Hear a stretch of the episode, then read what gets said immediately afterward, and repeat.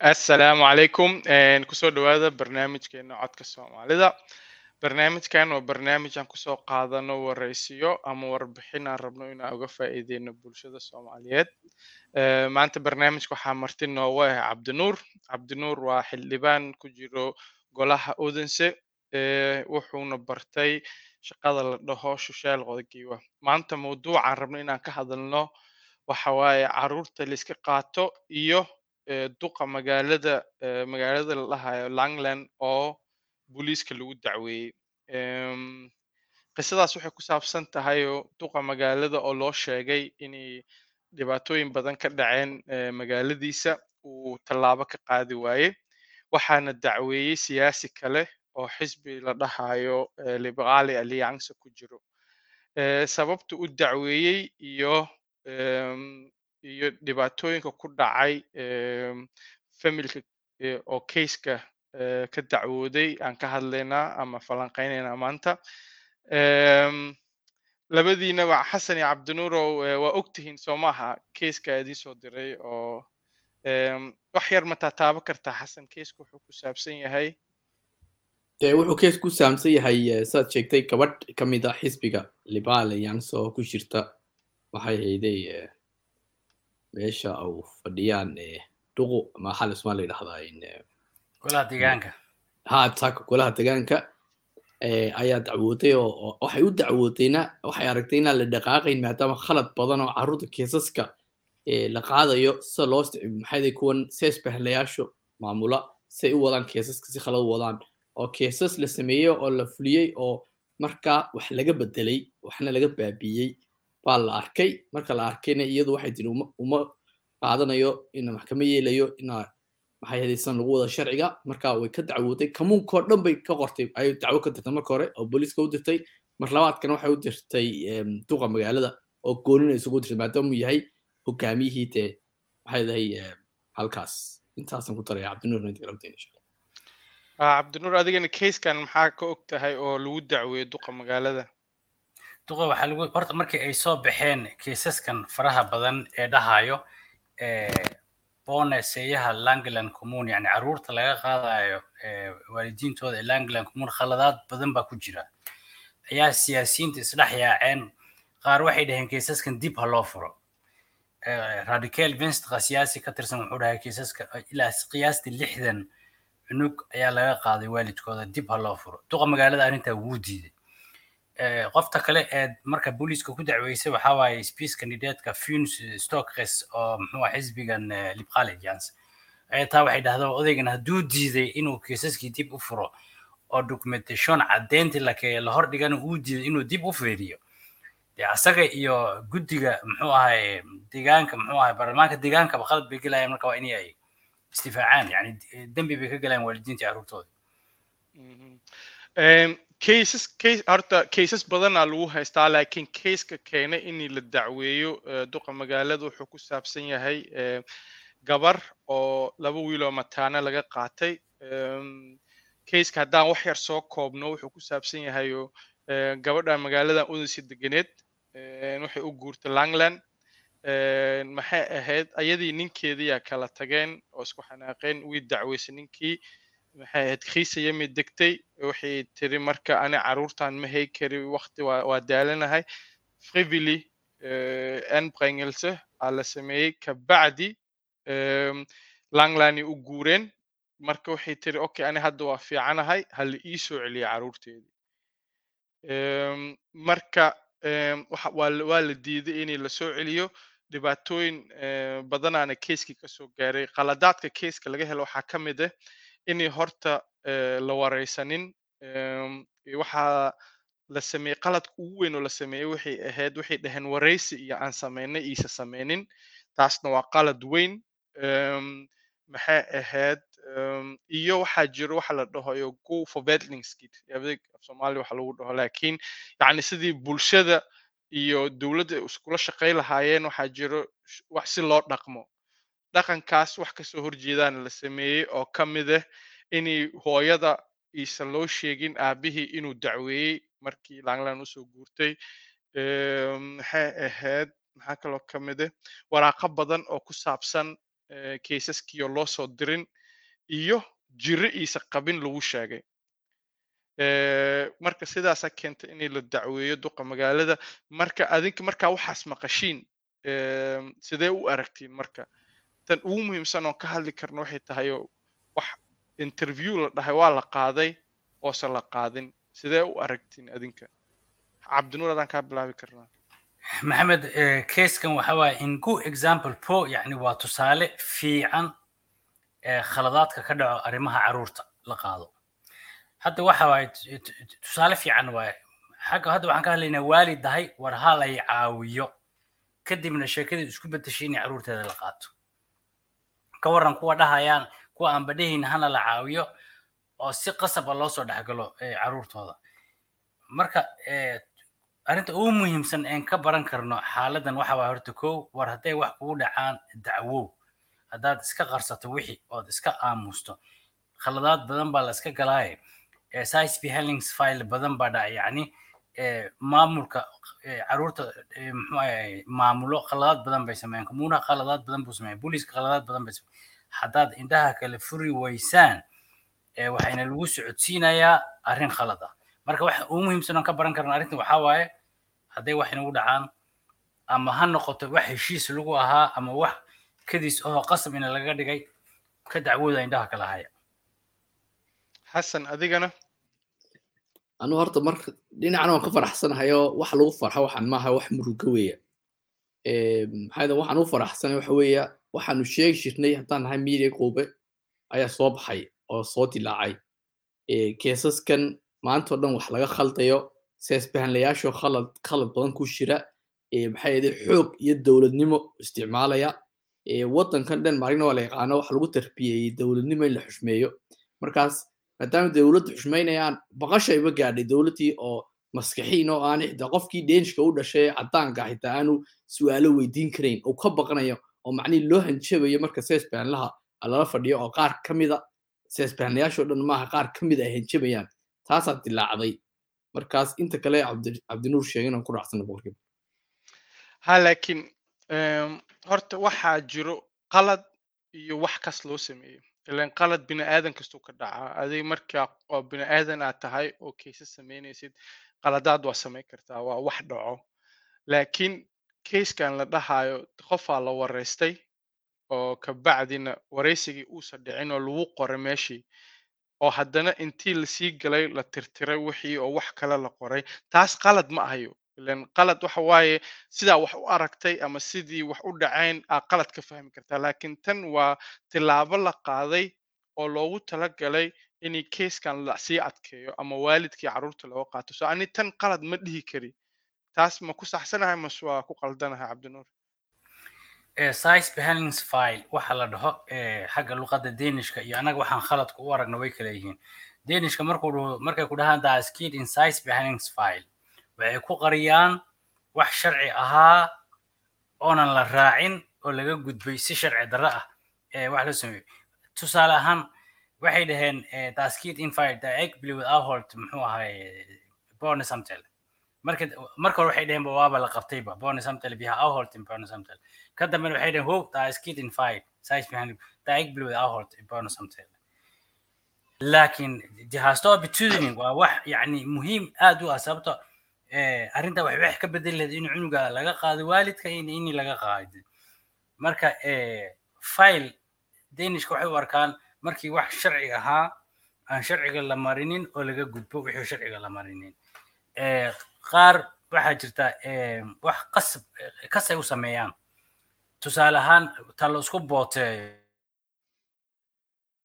ta la isku booteeyo oo la dhahayo haddii aad nala shaqayn wayso ilaa haddii aad saa saa yeelito vi har alligevel lovgivning til at, til at hjælpe os med at gå ABCD.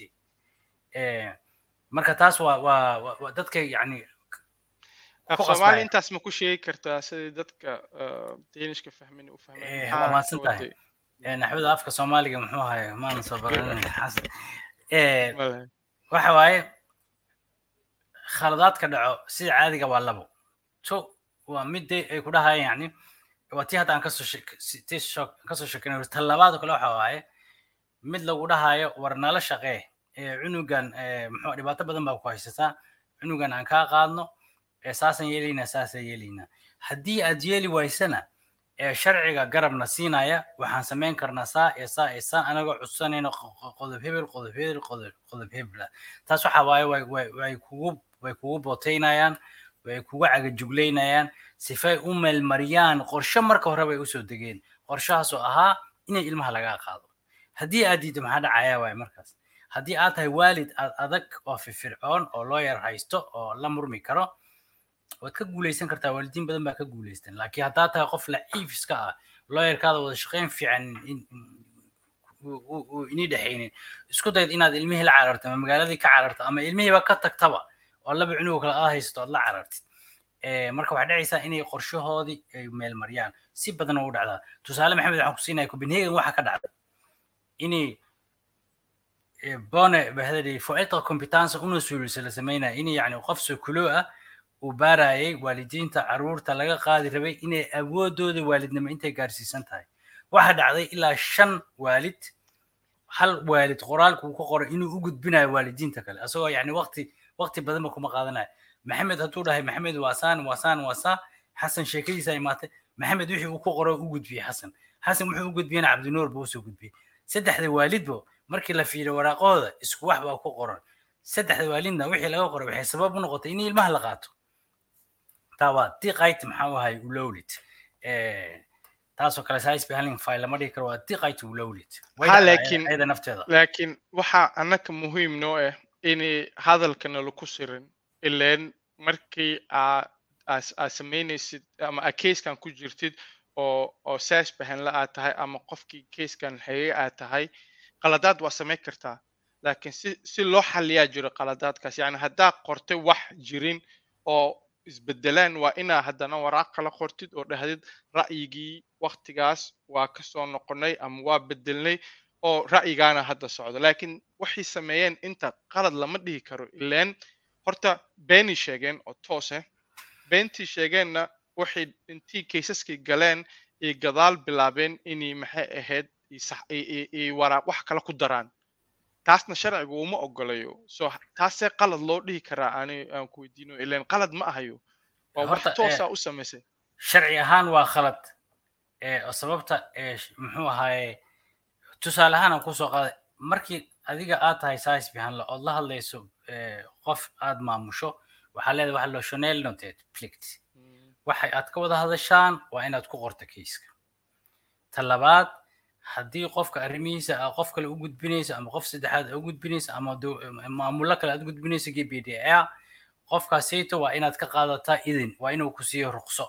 Aad kula hadasho xasan ama kula hadasho maxamed ama kula hadasho heblow aa warkii aad la qaybsato ta saddexaad waxaa jirtaa ilmaha markii la qaadayo qodobo la maro. Qodobada marka wax waa khalad hadduu size bihanladii si toos ah. Hataa qofkaas lagu sheegay hadda gabadha cudur aynan qabin oo kale. Diya skandele yani qof la dhaho muxuu ahay qoftaas cudurkaasi qabta ayadan ma qabto.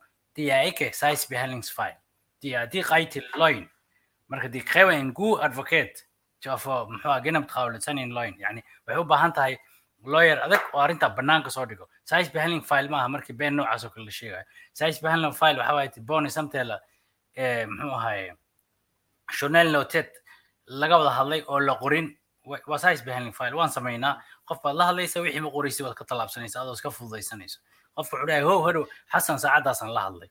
Men daafoos kale malem size behandling file yadii qayti loin marka gabadhan oo kale cudurka lagu sheego kale dee hili ulowlid ma jiro hadda maxay ahayd dadkii u shaqaynayay ee kumuunaha qaladii sameeyeen? Qaladaadkii waxaa loo soo hor waxaa loo soo bandhigay duqii magaalada. Marka intiisa la dacweynin ka hor interview bixiyaan rabaa inaa idiin daaro sidaa u dhegaysatiin iyo sidaa u aragtiin isaga siduu ahay. Marka dhegaysta insha allah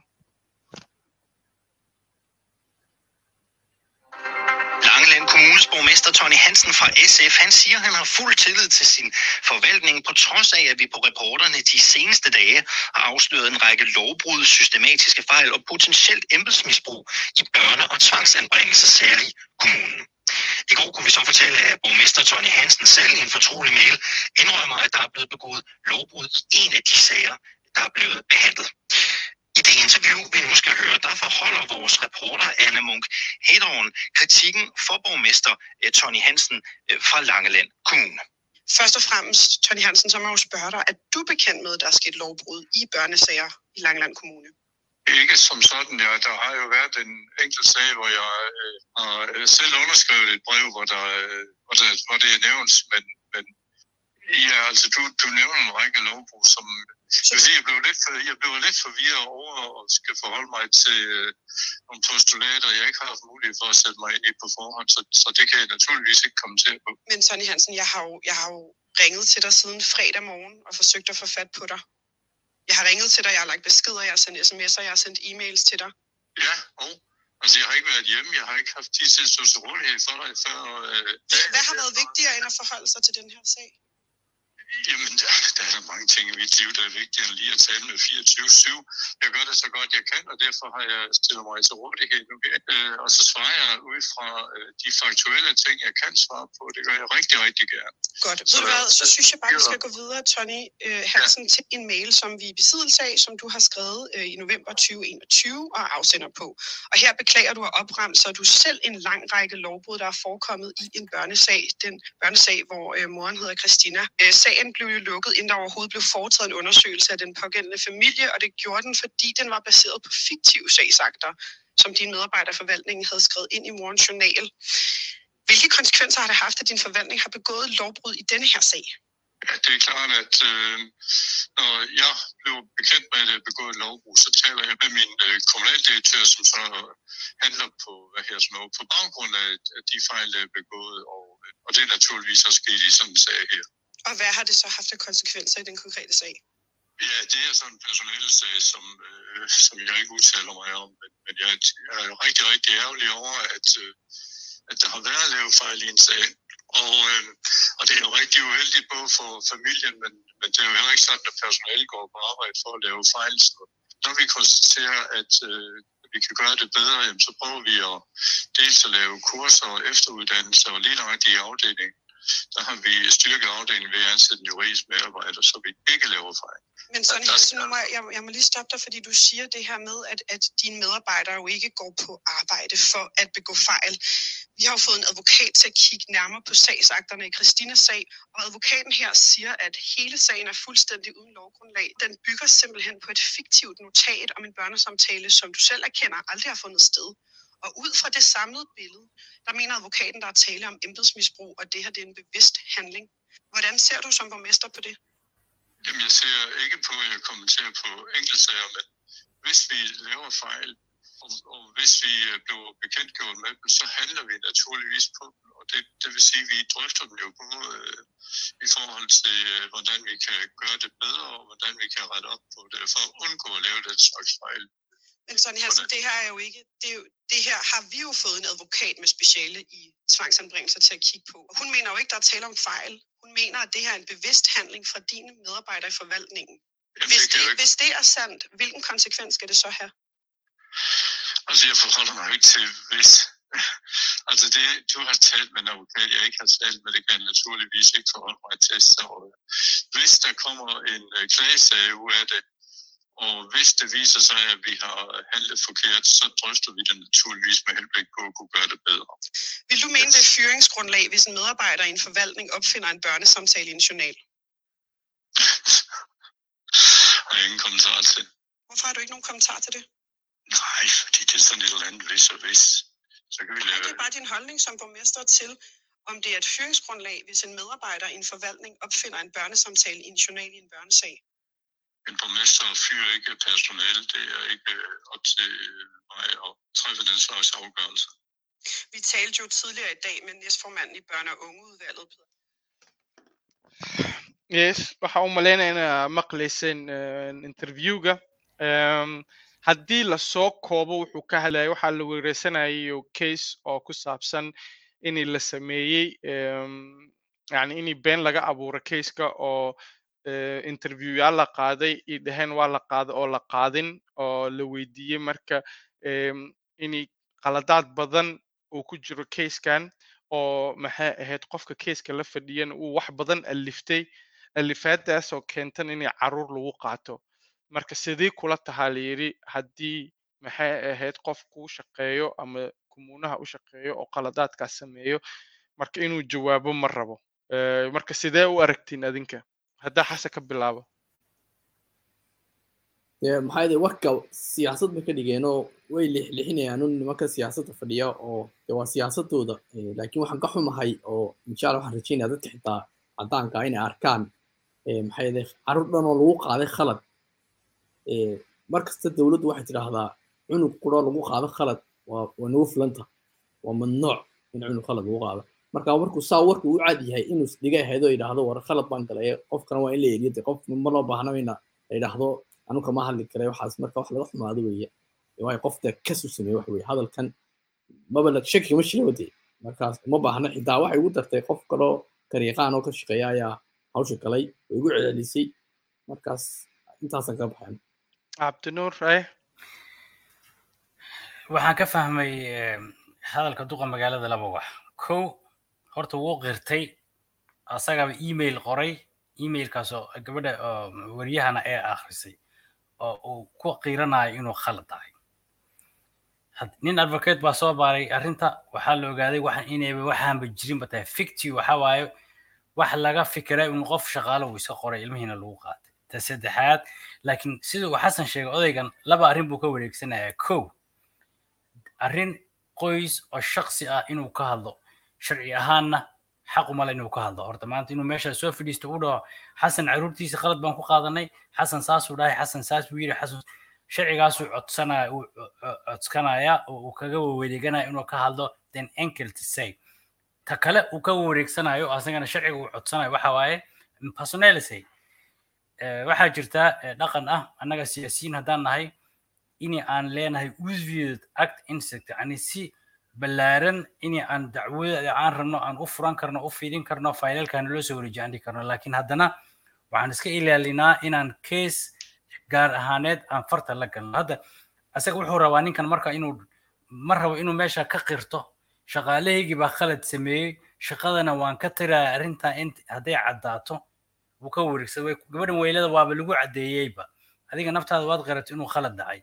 Ninkan advocateka arrintan wuu soo baaray qofka hadday arrintaa caddaato shaqada maka tiri wuu ka wareegsaday wuxuu leeyahay waa personality. Marka wuxuu leeyahay aniga shaqada kama tiraaye ninka job centerka sheefka ayaa shaqada ka tiraaya. Si ree magaalaysan u leeyahay. Marka sidii nin siyaasi buu hadlay xasan baa sheegay. Ha laakiin horta waxaa muhiima ani xasan kaysaskan oo carruurta lagu qaaday iyo adii lix sano toddoba sano camala ku jirnaa hadda waxaaba la imaaday wakti oo saxaafadooyinka looga hadlo oo tvyaashii laga soo daayay laakiin wakti waxaa jiray oo haddaad dhahdid xataa qaladaada la sameeyaa lagula yaabi jiray. Hadda haddaa fiirisid duqa magaalada kow horta keiska asaga yacni faa'iido uguma jirto ilan asaga ma sameynin moogtahay qaladaadka la sheegayo so wuxuu dhihi karayo haddii la sameeyo wax oo abu wax layska abuurtay annaka ah, maxay ahayd ah, ka fadhiisanayno wixii loo baahnaana annagaa ka samaynayno inuu dhehi ahayd laakiin wuxuu u ekaa nin isdifaacayo u ekaay oo dadkiisana difaacayo laakiin dhibaatada jirta waxa waaye meeshu mas'uul ka yahay toddoba keisa hadda lagu haystaa wayna ka badan tahay. Yani waxay u eg tahay waa meel sharciga lagu ilaalin oo dad badan dhibaatooyin imaaday. Markuu interviewgu u imaanayana waa loo sii dirayo waxa laga hadli doono iyo waxa eh, iyo waxaa jirayo wax full mark la dhaho oo lo oo oo saxaafadda u heli karto inay keiskan ka hadasho ilan qofkiyaa siiyey. So wuxuu wuu ka hadli karaa laakiin ma rabo ileen sidaa sheegaysa siyaasadda ku jirto oo hadhowti in markuu soo noqdo oo lagala hadli doono qof oo dowladda u shaqeysay saas uga hadli kartaa. Laakiin haddii dad hadda keiskan saas u weyn hadduu uu saas yahay ka waran marka soomaalida keisaska ku dhaco oo xataa marmar qaarkood saxaafadooyinka soo gaarin oo lagu adkeysanayo ilaan hadda waxaa u jeediinayo waalid ah carruur looga qaato saas. Markii qaladkan la ogaado looma soo celinayo ileen waxaa imaanaysa marka waalidkii iyo caruurtii xiriirkiiyaa ka dhammaaday so xiriirkiini la soo celiyo waaye haddana baaritaan kale la sameeya marka caruurtii iyo waalidkii way kala fogaanayaan iyo so dhibaatooyinkooda qalad kaliya ma ahayo famil dhani baabi'iyeen iyo sidee kula tahay hadalkaas cabdinuur waan kugu raacsanahay maxamed. Waddankan waxaa ka jirta sheeko la isdaba wareega oo la banet stow qofka size bihanlaha ah ee muxuu ahay ka shaqaynaya familiga qoyskiisa kow waxaa lagu barbaarinaya waxa loo soo baraya waxa wax waxbarasho loo siinaya. Kow adiga wax mas'uuliyad kaa saaran inaad ka duusho wanaagga cunugaas. Marka arrinta la isku haysto waxa waaye cunugan maxaa u fiican? Hadduu sais bahanlaha ku doodi karo cunugan waxaa u fiican inuu guriga meel ka baxsan lagu hayo. Wax kastay samaynaya inuu cunuga meesha laga qaado. Hataa marmarka qaar sharciga burburinayaan. Langeland horta soomaalina intaan langeland ku soo noqonin tusaale denishka way firfircoon yihiin way dacwoodaan kama haraan ilmahooda joornaaladana markay la soo hadlaan siday oola tacaamulaan bay yaqaanaan annagana waad qaantaan horta qofka soomaaliga warkiisa waxaa la maqlayaa mar caruurtii la qaatayba ama mar midi uus ku tagtay waa la maqlayaa. Marka aad bay xaaladooda muxuu ahaye u liidataa. Soomaalida kelixi aniga waxaan ka warhayaa magaaladan odense nin oo ka imaada waddanka congo ila soo xiriiray laba cunugoo mataanaa laga qaatay fiiri ninkaas laba cunugoo kaloo fiifiicana guriga u joogaan. Maxkamadda markuu taga wuxuu ku doodayaa weer heblow iyo heblaay oo afar iyo toban jir shan iyo toban jira guriga ii jooga. Igalama cabsanaysaan inaan wax xumaan ku sameeyo inaan dilo inaan triways qaytikood way faraxsan yihiin iskoolkay dhigtaan kuwan mataanaha maxaad igala cararaysaan?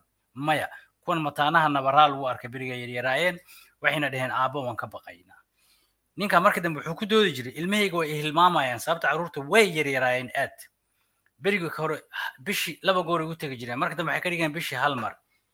Marka dambe waxay keeneenba inay dhahaan markaad la joogaysa carruurta way cabsoodaane waa in lagula joogo keligaa lama joogaysid asagana wuxuu raba inay loo fasaxo oo la imaado guriga oo saan iyo saan.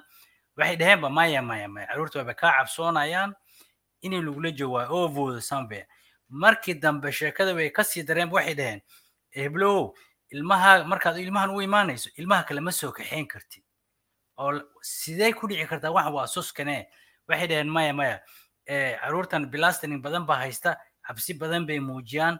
Carruurtan mar walba inayn isla joogin inay saa isku sii bartaan hataa muhiim ma aha. Yani ninka inuu waashuu joogaa carruurtana weli waa laga haysta. Kumuunka svembo baa ka haysta. Carruurta laakiin odensa lagu qaaday maadaama hooyada xagga deganeed adiga svembo kumuuna haysta carruurta marka khaladaadka dhenmaa ka dhaco wax yar maaha dhenmaa kelixna maaha program baa la soo dayay hadda kahor waddanka norway hataa maraykan niman maraykan ah laga qaaday carruurta niman polandisa laga qaaday yani dad european ah laga qaaday carruurta marka dhibaatada soomaali kelix ma haysta horta shacabka oo dhan bay haysta shacabka danish waxaan ku kala duwannahay annaga iyo shacabka kale shacabka kale way ismuujiyaan way dacwoodaan arrintooda bannaankay keenaan ayaga naftoodana khaladaad badan kama dhacdhaco waalidiin adag waay annaga runtii khaladaad badan baa naga dhacaa ama dhaqankeeda ha ahaado ama diinteeda ha ama waxyar luqad ha ahaato ama faham darra ha ahaato khaladaad badan baa naga dhacaa. Taasoo kumuunayaasha suurtagal oga dhigo inay carruurteena si fudud lagu qaato. Langalan kumuun arrin yar haysataan ka dhawaajin rabaa. Taasoo ah arrin dhaqaalaa jirta ka fikira. Qofta radical venstka markay ay dhahday dacwooyinkan ilaa lixdan case waaye dib ha loo furo arrinta dhaqaalaha laga hadlay. Intaasoo milyan baa ku baxaysa inay dib loo baara kaysaskaas marka kumuunka wax kastuu samaynaya inuu arrintaas ka hor istaago inay dib loo wuxuu dhahay maya maya khaladaad way naga dhaceen laakiin sina uma dhici karto lixdanka case inuu khalad ka dhacay. Totally wuu diiday. May fahamtay sababta waxa u ahna waa dhaqaalaha iyo inay aaminsan yihiin carruurta meesha ay joogaan inay uga fiicanta meesha ka soo qaadeen. Anu waxaan ku darayaa waxaan waxaan la yaabanahay anigu systemkan danishka ay ku dhaqamaan haddaa laga qaado maxay yada layidhaha laga bilaabo meesha maxay hayday ses bahanlaha oo systemka carruurta carruurta banastow ama carruurta xasoololooda ka fikiraya oo ay si fiican u akhriyeen iyo maxay yada familia qaarhuusa iyo angestuelson iyo maxay hayday buyuqaatinba mar kastaba waxa ku qoran banas tow ama event commissionka carruurta waxa ku qoran carruurta iyo iyo waalidka iyo carruurta walaaladooba in la soo ilaaliyo xidhiirka weeya marka kamuunu waxaan arkay inaan xitaa taa xidhiirin xitaa waxyaalo badan waxa weeye waxna qaado waxna ka tag. Saas bahanlaa iyo marka lagu tiro familia qaaruusa reerka oo la yidhahdo okay aabahan oo kale ama hooyadan oo kale carruurta waa looga baqanayaa. Maxaa ama kale hooyo kalaaba haysa lagama qaadin carruurtii lama odhanayo okay aan ku ilaalina carruurta laakiin si caqliya caqligala aynu isku ilaalina carruurta iyo walaaladeed. Waayo waxa la ogaaday oo baaritaan laga sameeyey xiriirka carruurta waxa way ilaalinaysaa inay carruurtanu guulaystaan oo hadha wax bartaan oo ay noqdaan dad hooye dad kala guursado isguursado carruur dhalo carruurtooda ka adkaada ama susheel aw inaanay ku soo noqonin meeshii qaladkii baa la rabaa in laga ilaaliyo. Marka waxaasoo dhan ma ilaalinayaan. Mid kale ku tarso dadkan seesbahanlayaasha badanka waxay u soo ar marka la eego professional bay soo arkaan. Laakiin waxaan arkay anagoo isku wada sharayn waxoo dhan oo ay qaar badanoo fiican way jiraan laakiin badanka waxay isku raacaan khaladka ma isqabtaan dhibaatada jirta xitaa. Anaa arkay oo oo anigoo la fadhiya meesha aan aan ku sheegayo ku leeyahay khalad weeya oo anigoo ka hadlaya aqoontayda war khalad baa wadaan carruurta uma fiicna tanu. Markaas qaylada si kastaba aad u qaylisid ma isqabanayaan lidarka ma qabanayo xitaa odhanayo waad khaldan tahay keeska dib ugu noqo halkaasaad ka khaldan tahay carruurta la isku ilaaliyo. Obonin xitaa haddaad doonaa loo sameeyo. Mar haddaa xitaa ina wax laga dhawaajiyo oo aan anagu haddaan nahay mirika aan ku xiiqnay beryihii hore taasay jirtay. Marka waan ku faraxsanay in laga wada hadli karo oo hadda xitaa inuu kamuunkii inuu dadka dhegeystaan isle insha allah uu dhegeysan doona hadda laga bilaabo markaas hore bareedo may horta saxaafadooyin badanaa la hadalnay kaysaskan wax badanaa lagu ku soo jirnay oo dad badanaa laga xataa kaysaskooda raayeen dacwooyin la furay iyo waxaas laakiin uma baahnaba in dacwo la furo waxaan camal yani waa wax oo oo la fahmi karin waayo ileen. Qofkii xataa markii qalad laga galo oo la caddeeyo inay qalad la galay intii carruurtiisa loo soo celi lahay wakti kale sii qaadanaya markaasaa haddana qaladii ayaka sameeyeena lagu sii wadaa. Taasaa yacni waalidiinta ugu xunba. Tan kale oo rabo inaan wax yar soo jeediyo waxa horta ra'iisul wasaaradda waddankaniyo wixii doorasho ku gashayo inay carruur badan la qaado. Sidaas daraaddeed iyo maxay ahayd dadka kaysaskan xalinayo iyo fadhiyaan iyo pressure ayaka xataa saaran ileen carruurtii waxaa loo ogolaaday inay sida ugu dhaqsaha badan ay qaadaan. So shuruucdii marmar way ka boodayaan.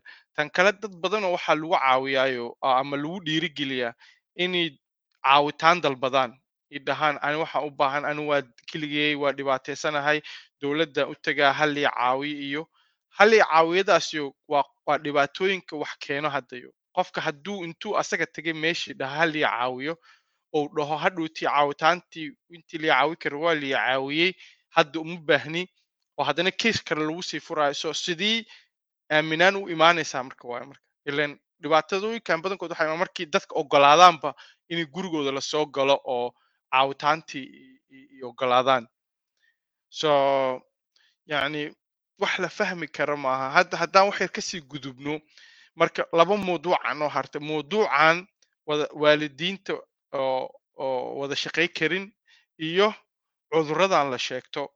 Haddaan ka bilaawno waalidiinta wada shaqay karin hadda keiskii oo gabadh oo ku saabsan hadda keiskan langland ayadii ninkeedii isku dhacay waxay way isdacweeyeen ayad waxay ku dacweysay ninkii wuu dilay kiisayamaa la geeyey dhakhtaraa loo geeyey markii dambe yacni qofka iyo markuu dhibaatooyin ama furitaan iyo waxaasi imaadada dhibaatooyin ka soo gaaraanoo dhakhtar iyo waxaasay u tagaan. Markii u tagtay aabbihii ayadii dacwa u dhexeeyo hooyadii waxaa lagu go'aansaday in carruurtii laga qaato aabbihii looma celinayo carruurtii dad kalaa loo geeyey. Hadda waxaasoo dhan waxay ka imaatayo wada wada shaqayn la'aanta waalidka ka dhexeeyo wax yar mataa taaba kartiin kaysaskaas oo ka imaato waalidiinta inay wada shaqay karin ama ayakaba inay sabab u ahaadaan carruurtooda inay la qaato? Cabdinuur haddaad bilaabi kartid xasan aan ku hegana mawduucaas muhiim waay muxuu ahay maxamed hadda ka horna waad ka hadasheen aniga nafteeda waan ka hadlay. Xagee las muxuu ahay foeltra competence muhiim waay. Waddankan horta dib haddaan u noqdo tii ra'iisul wasaaraha raalli hawaba aan kunagu yar celiyo waxay dhahday yani bonines state minister ma noqonaya yani ra'iisul wasaarihii carruurta noqonaya. Taa iyada waxay ka waday waxaa soo baxday qoraallo muxuu ahay ama foskining la sameeyo oo dhahayso carruurta denmark la qaato. Markii la qaad la qaadan lahaa ama ku habbooneed in la qaato muddo ka badan ka damba la qaaday. Yani carruurta la qaadayo ha la soo dedejiyo ha la soo horumariyo sifu noloshooda iyo koritaankooda wax looga qabto. Marka sababta keentay in la derdergeliyo carruurta la qaadanayo horta waxyaalahaasa ka mid ahay inigoo raalli dib baa noo celiyey tan labaad way iska caddahay. Haddaad tahay hooye keligeed haddaad luqadii ku hadlayin haddaad carruur carruur toban carruur canug aad leedahay haddii meel u saata boli omqooda aad degan tahay haddaa shaqo la'aan tahay doloolo badan baad leedahay markaba markii waxaad leedahay kow laba saddex afar shan dolool oo lagaa soo geli karo. Sababta maxaa waaye lug baad sheegatay dhabar baad sheegatay dhaba waxaad sheegatay jilib. Toddoba caruurna waa haysataa kow sais baahan wuxuu dhahayaa sidee ku karaysa arrintan? Vadan yaalabaadanka dhu class uban du har antiqoykan du har d? Du har a b c d? Horta waa lagu soo galay. Luqadii kuma hadashid. Iskuule samteela la tegaya turjubaana lagu qabanaya tan leeyahaad kow laba saddex gooraad ka maqnaanaysa duhaa laqadaynuun muxuu ahay nuun ting lagugu soo geli karo. Adiga ninkaada khilaaf inaga dhaqeeya mar walba istumaysaan ama aabihii baad dacwoonaya mise adigii baad dacwoonaysaa case baad isku furteen. Marka horta way caddahay sababaha la isku soo dhexgalo ee kumuunka dadku u soo galaan wax ka qarsoon dadka ma aha. Reerka iska shaqaysto caafimaadkooda iska fiican yahay. Waxaan been ahayn aan sheeganin iska xoogsada nadaafad ka shaqeeya waxay ka shaqeeyaan kii waxbarto waxbarashadii ka shaqeeya maxamed qof ku soo raadsanaya ma laha. Laakiin noloshaada oo dhan ba been tahay. Dhabarka ay xanuunaya jilibka ay xanuunaya ee kumuunku saa kuusoo dhex gala markay imaataa dhad cunuga hata kor uma qaadi karo. Ee adiga adiga isku furfuraysa waxyaala badan. Taa macnaheedu ma aha qofkii dhibaato haysato yuu sheeganin dhibaatadiisa. Aniga waxaan garanayaa hadda ka hor oday benshoon qaadan rabay. Usbuuci benshoon uu qaadan rabaa cunug ku dhashay benshoonkan wuxuu ku qaadanaya inuu dhabarka xanuunayo mogtahay waxaa la niyahu sawa hadda cunug ku dhashe. Yani du har fått ett lille barn lige du har alltid sagt att du kan nästan inte komma upp på sängen sariirta kama soo kici kartid. Adi sidaa odayga benshoonka loo diiday laba sug bal xoogaa. Dib baa looga ceshtay marka soomaalida ayaga isku furfuraan ee daloolaha faraha badan. Marka haddii aan rabno inaan waxaas ka ilaalino waa xaaladda dhabta waddanka ka jirta inaan la socono. Computerkan hadduu iga damo. Computer kalaan diyaarsada oon ku wareegaya isla markii raalli ahaadaya xasan haye anu waxaan ku daraa bas bilcagsigaaga cabdinuur waxaa jira baaritaan la sameeyo oo xitaa carruurta laga sameeye la qaaday oo sheegaya carruur kasta carruurta badanka kuwa la qaaday waxbarasho fiican ma helaan dayactir fiican ma helaan sideed jir marka gaaraan qaar badan waa laga eriyaa kuligooda ama live family ahaadaan ama meel kale oo apple sida meelaha lagu xanaanay carruurta ahaada waa laga eriyaa. Markaas iftislim ama lacag kale lama siiyo markaas. Noloshay ka dhacan way u badan yihiin kuwa yemeluskana marka dib loo baaray waxaa la ogaaday. Dhalinyarada yemeluska shan iyo ka yar badanka waxa weeya dadka maxayday la soo la soo qaaday ama lagu la geeyey meelo kale. Taa haddaan ka baxo tan aad sheegaysid horta wax muhiima. Badanka cabdinuur waad dhamaysay in yar ma ku darayaa badanka inagu ma ka war hayno hadday nahay soomaali ahaan khaasatan ama aqoonyahan aynu haano ama aynu haano tabar yar oo hadda yimiyo soomaaligii dhenshkiis fiican u garanayn. Dacwada waxaynu u haysanaaba inaynu ciyaalka ka soo jiidanayno aabaha ama hooyada hadday tahay ciyaal ka soo kaxaysanayno. Iyo haddaynu sheegano inayn maxay tagno krisayam ama odayga ay dila nidhaahno dhibaatada inaga soo gaadhayso xitaa ma ogin. Taasna dhibaato weyn baynu u keenta xitaa haddaa la kala tago waa la kala tagaaye si qurux badan oo carruurta loo wada dhaqdo waa in laisla fahmo la yidhaahdo okay de maynu isfahmnisa maha. Laakiin carruur fiican bay noo dhalatay maasha allah ilaahay noo asturo. Laakiin sidee u wada shaqaynaa oo danta carruurta uga shaqaynaa? Aan uga shaqaynin danta anaaninimadayda iyo aniga. Waayo aabba uu baahan yahay carruurtiisa hooyana way baahan carruurtiisa jacaylku waa isku mid. Qof kastaba waalid kastaba jacayl carruurtiisa u jecel yahay waynu ognaha waynu waalid bay naha marka inay taaxidaa laga wada hadla lama fahmin. Weliba kuwa ugu daran waxa kuwa bartay wax. Kuwaasaaba ugu daran. Kuwii hore way fiicnaame hooyooyinkiina soo koriyo way si cudur taari jireen waxay oran jireen odayga carruurta ha arkay ama hooyada ha aragtay usutaa ay oran jirta laakiin kuwan waxay moodayaanba inay denmark ay khatar ku yihiin markaa dacwada ay familia qaaruska u dirayaan ama angastuelsna ama biyu ay isleeyihin waalidka kale ka qaadba xooga taasaa baxar kala gelinaysa oo oo samaynaysa conflict oo conflictigaas ama dee caqabada dhibaatada keenaysa carruurtii lagu ilaawo markaa la odhanayo carruurta xasiloonidooda kuma jirto laba waalido maalin kasta isku haysta telefoonka ama isku haysta email isku qorqoraya ama biski isku qorqoraya oo family qaaruska u diraya baanahawada u diraya ma soo dooni karo dhibaata ka tima halkaas way soo badanayaan kuwaasna marka taasna waa mid mar kale laga hadli doono insha allah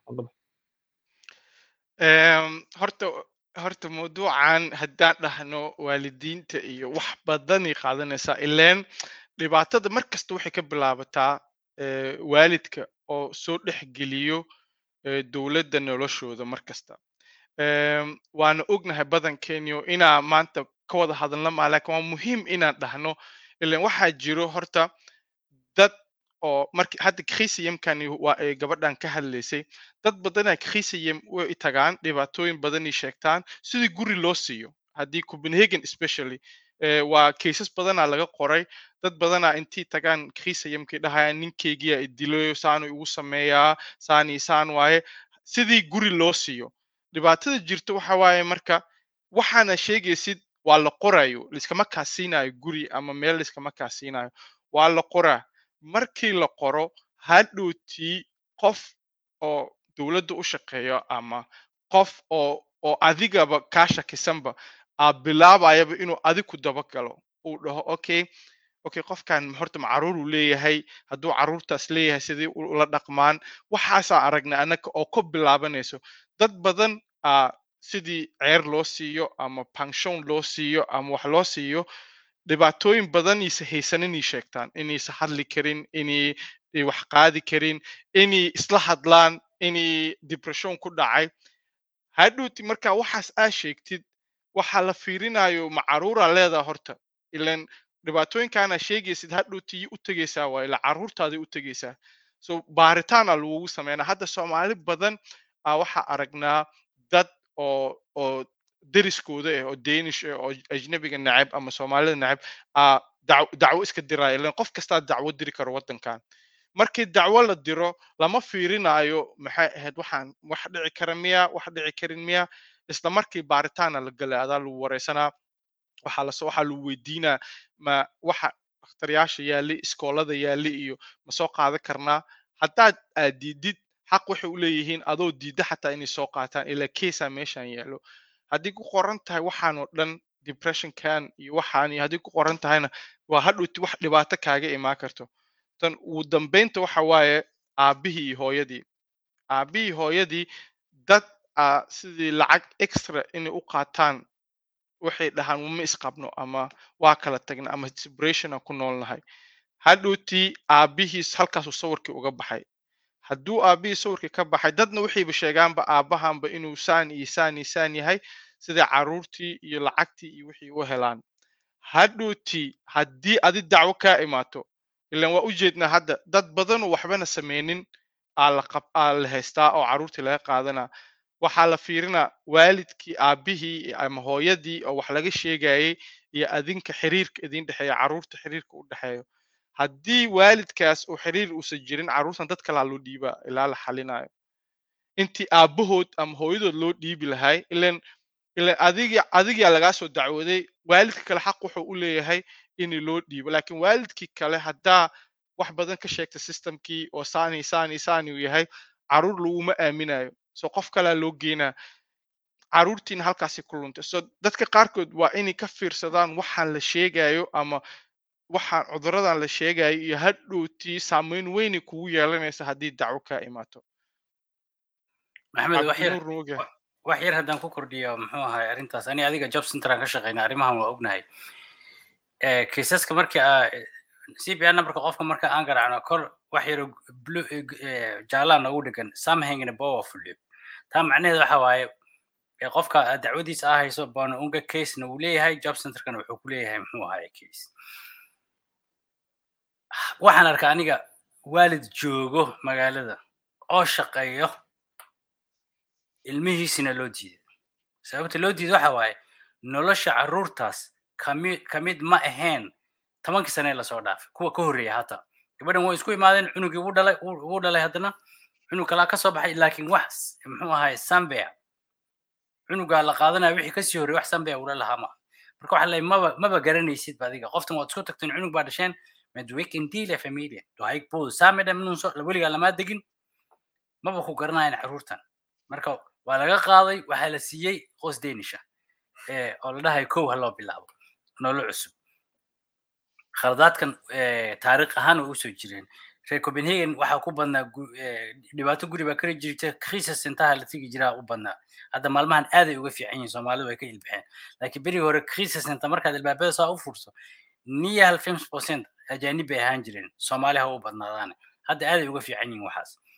Ma garanayo guryo badan ma helen reer copenhagen ma garanayo.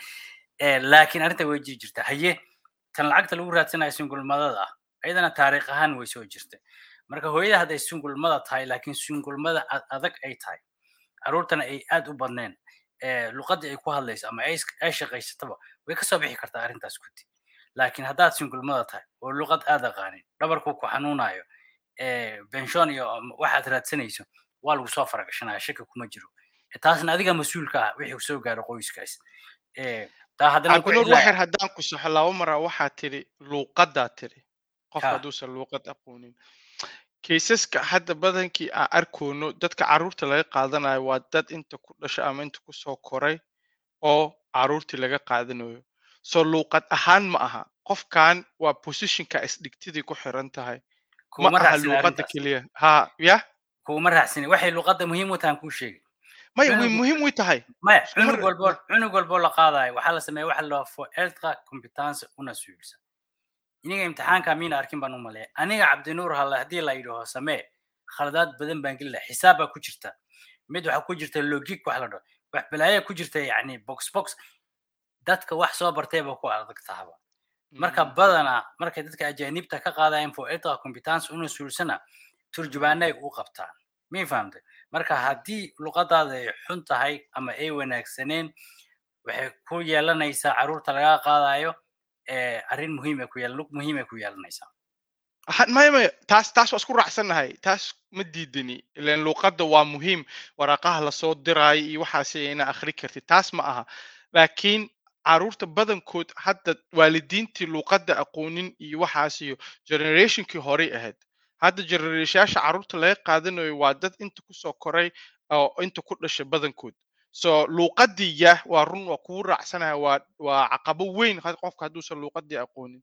Laakiin waxayba ku saabsan tahay haddii noloshaada la soo galo sidii rabo ha lagu soo galo ama qayb oo carruurta ha lagu soo galo ama qayb adigii odagii isku xanaaqsantihiin ha lagu soo qoro ama adigii inaad dacwoto ha lagu soo galo haddii hal mar meesha la soo galo way adag tahay inay ka baxaan.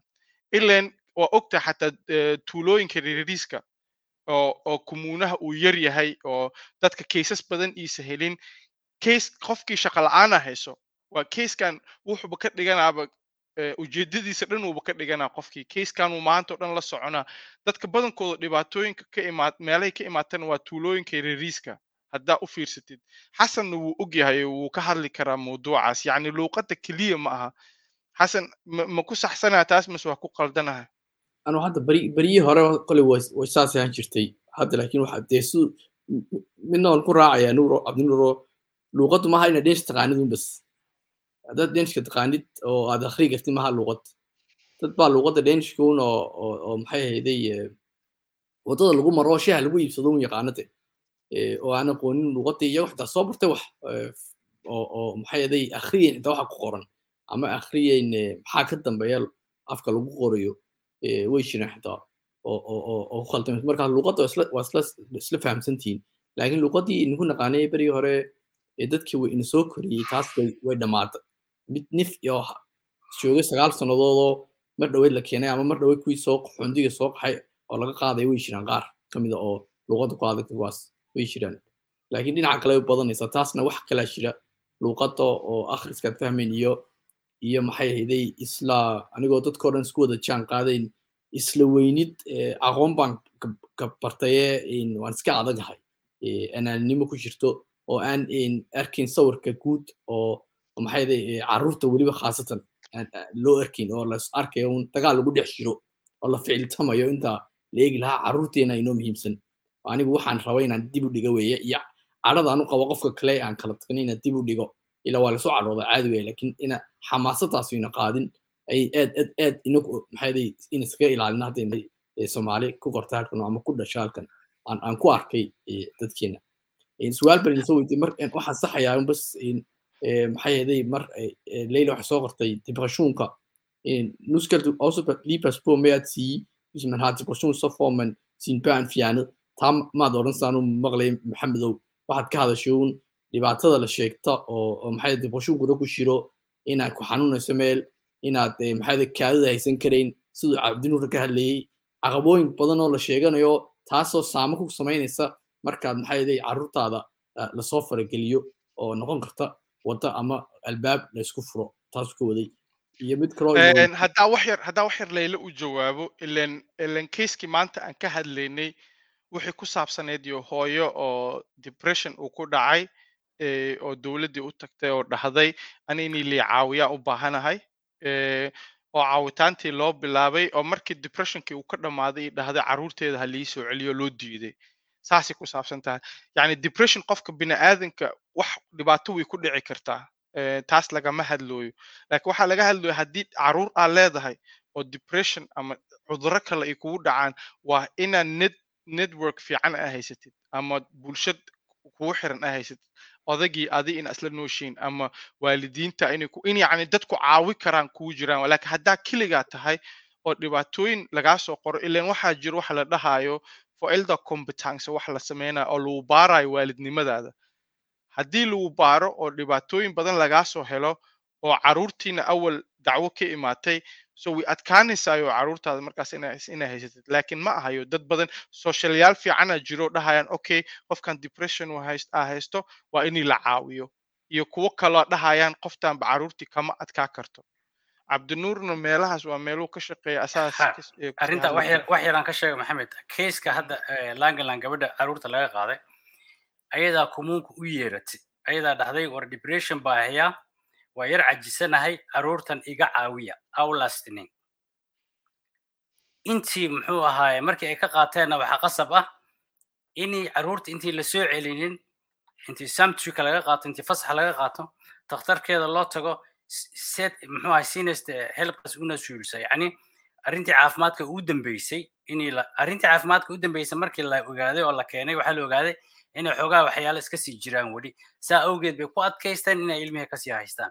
Hadalkii aandhe marka hore waan ku celinayaa haddii aad xanuunsan tahay haddii aad luqadda aqaanin haddii aad shaqa la'aan tahay haddii hooyo keligeed aad tahay carruur badana aa haysato haddaa meel u saata boli omqooda aad degan tahay intaba sabab way u noqon kartaa inuu kumuunka soo faragashto arrintaada. Markuu soo faragashtana wixii loo socda moogii doloolo badan baa imaanaya oo sabab u noqon karto inay carruurta laga qaado su'aal waxay waxaan nala socdaa waash waxayna weydiiyey magaciisi cabdilaahi wuxuu yidhi sidee loo wacdigeliyaa waalidiinta soomaaliyeed sida ay ay arrintooda bannaanka u keenaan? Yani sidee baynu teebugan uga hadalnaa oo la qarsanayo saad ku bilowday cabdinuurow. Waxaan la qarsanayo oo aan kuu raacsanahay maadaama aan beryahay beryahan dambe ay yaro dhaanto in yar alxamdulilah laakiin arrintan markay kaasoo dul dhacayan adigoo kowdii haweennimo carruurtii waa laga qaaday. Iyadoo laba wiig ka hor la qaadaya taas bal cabdinuur wax yar ka taabo ani tala ahaan waxay ila tahay inaan is aamino horta. Tilid wax la deenishka wax tilid la dhahay leyin dowladdoodana way aaminaan. Shaqaalaha way aaminaan. Inkastoo khaladaad badan sameeyaan. Soomaalida annaga aan la shaqeynada waa inayna aaminaan. Muxuu ahay markaan tala bixinayn annaga go'aan ma gaari karno waxaan iska nahay dad shacab wax ku saabsan arrimaha aan ka shaqeyno moga. Aniga maxamed job center audience ayaan fadhinaa. Haddaadna soo wacdaan xasan adigana waxaa tahay nin professional xagga sharciga. Haddaadna soo wacdaan oo nagu sir qarsataan sirta aad nagu qarsateen biha muxuu ahay waa sir annaga iniga inii dhexayso waxaana ina siinaynaa tala rasmi ah oon aaminsannahay inay saxda looyaraan la shaqaynaa ayna la xiriirin karnaa.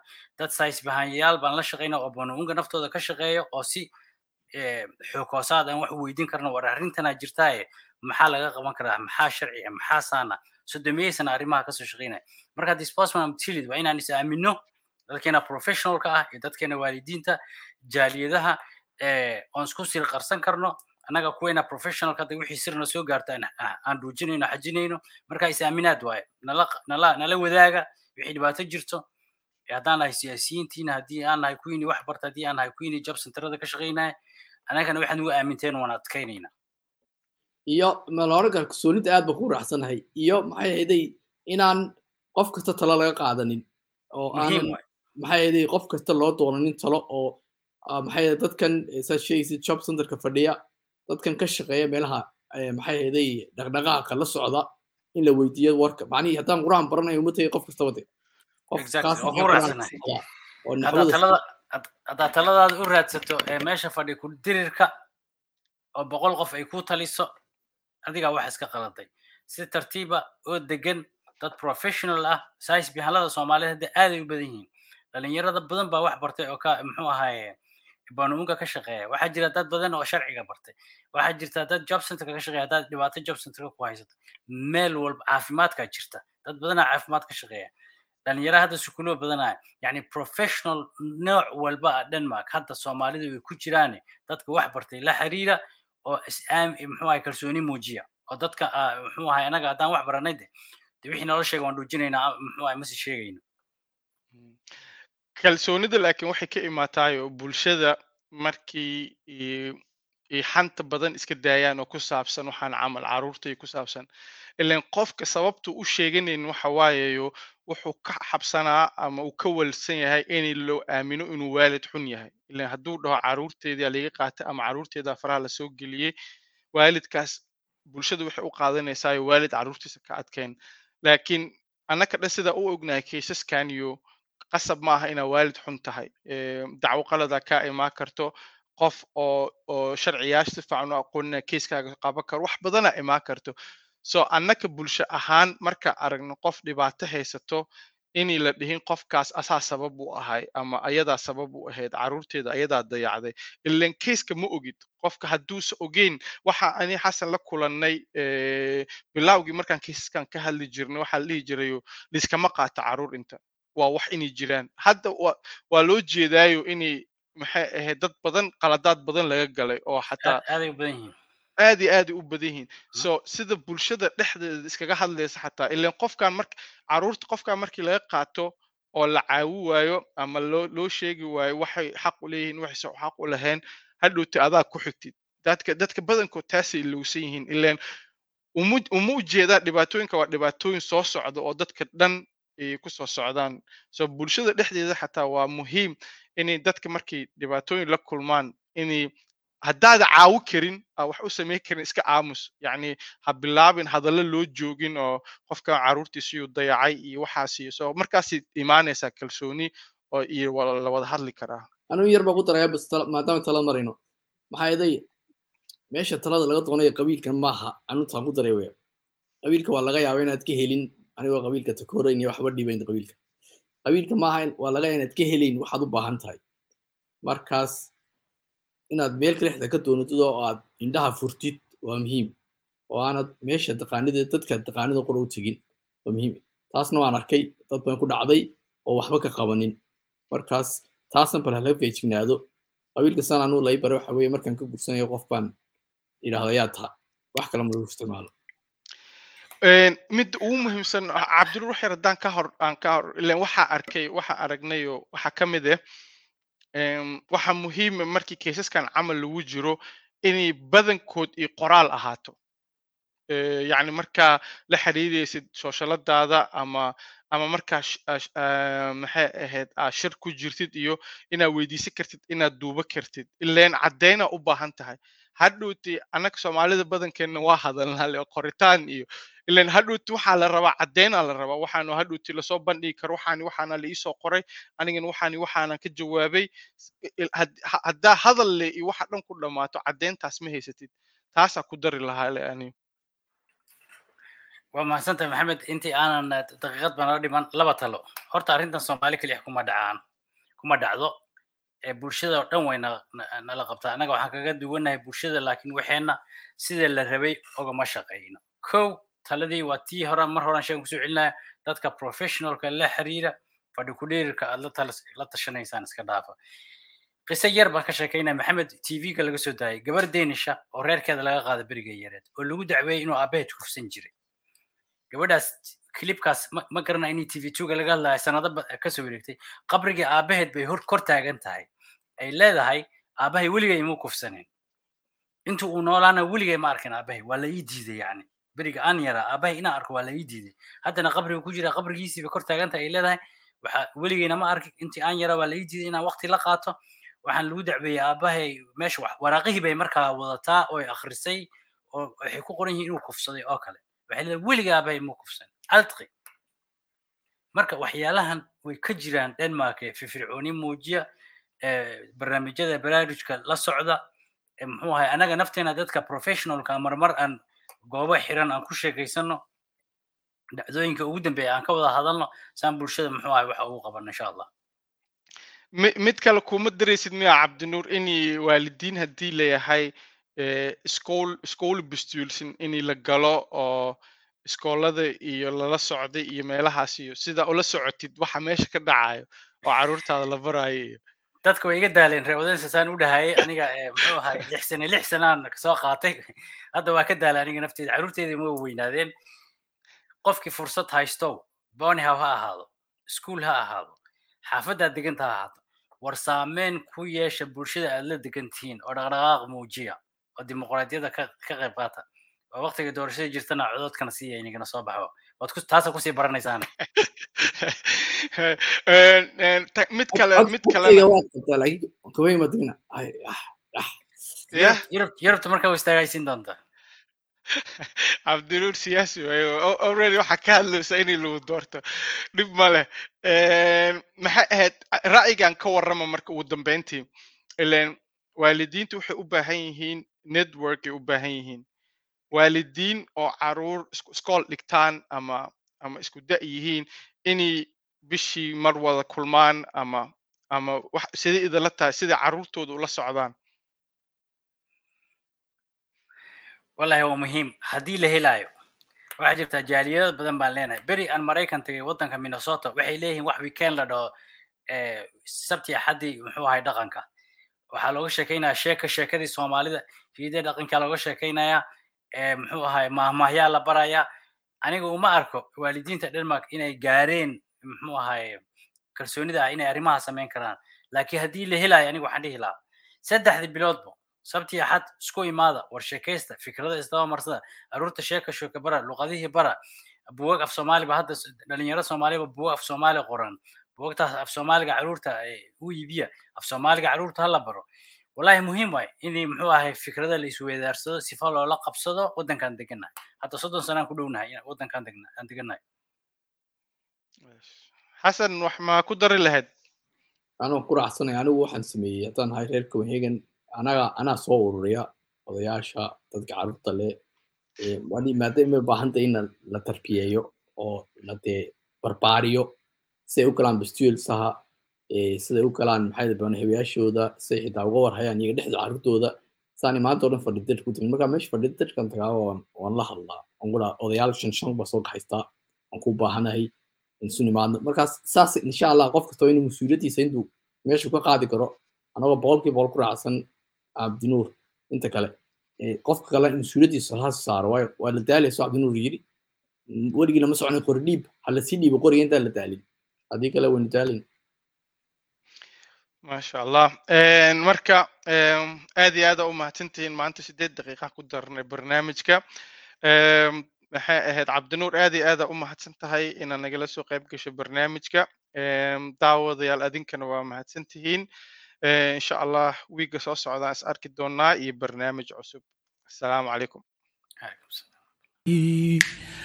Maxay tugaydeedu yeedhay maxay tugaydeedu yeedhay dalkayga maxaa u diiday? Maxaan dawadiisa raadshay dadkayga maxaa u diiday